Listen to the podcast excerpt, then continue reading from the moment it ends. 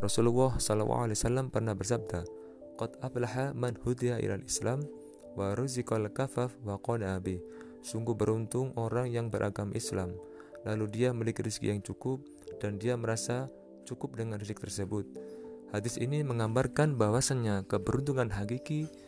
bagi seorang manusia dalam pandangan Islam menurut Rasulullah SAW adalah orang yang telah memiliki akidah Islam,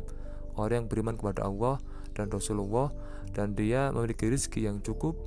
cukup sesuai dengan takaran yang diberikan oleh Allah bukan cukup sesuai dengan apa yang diinginkan oleh otak manusia.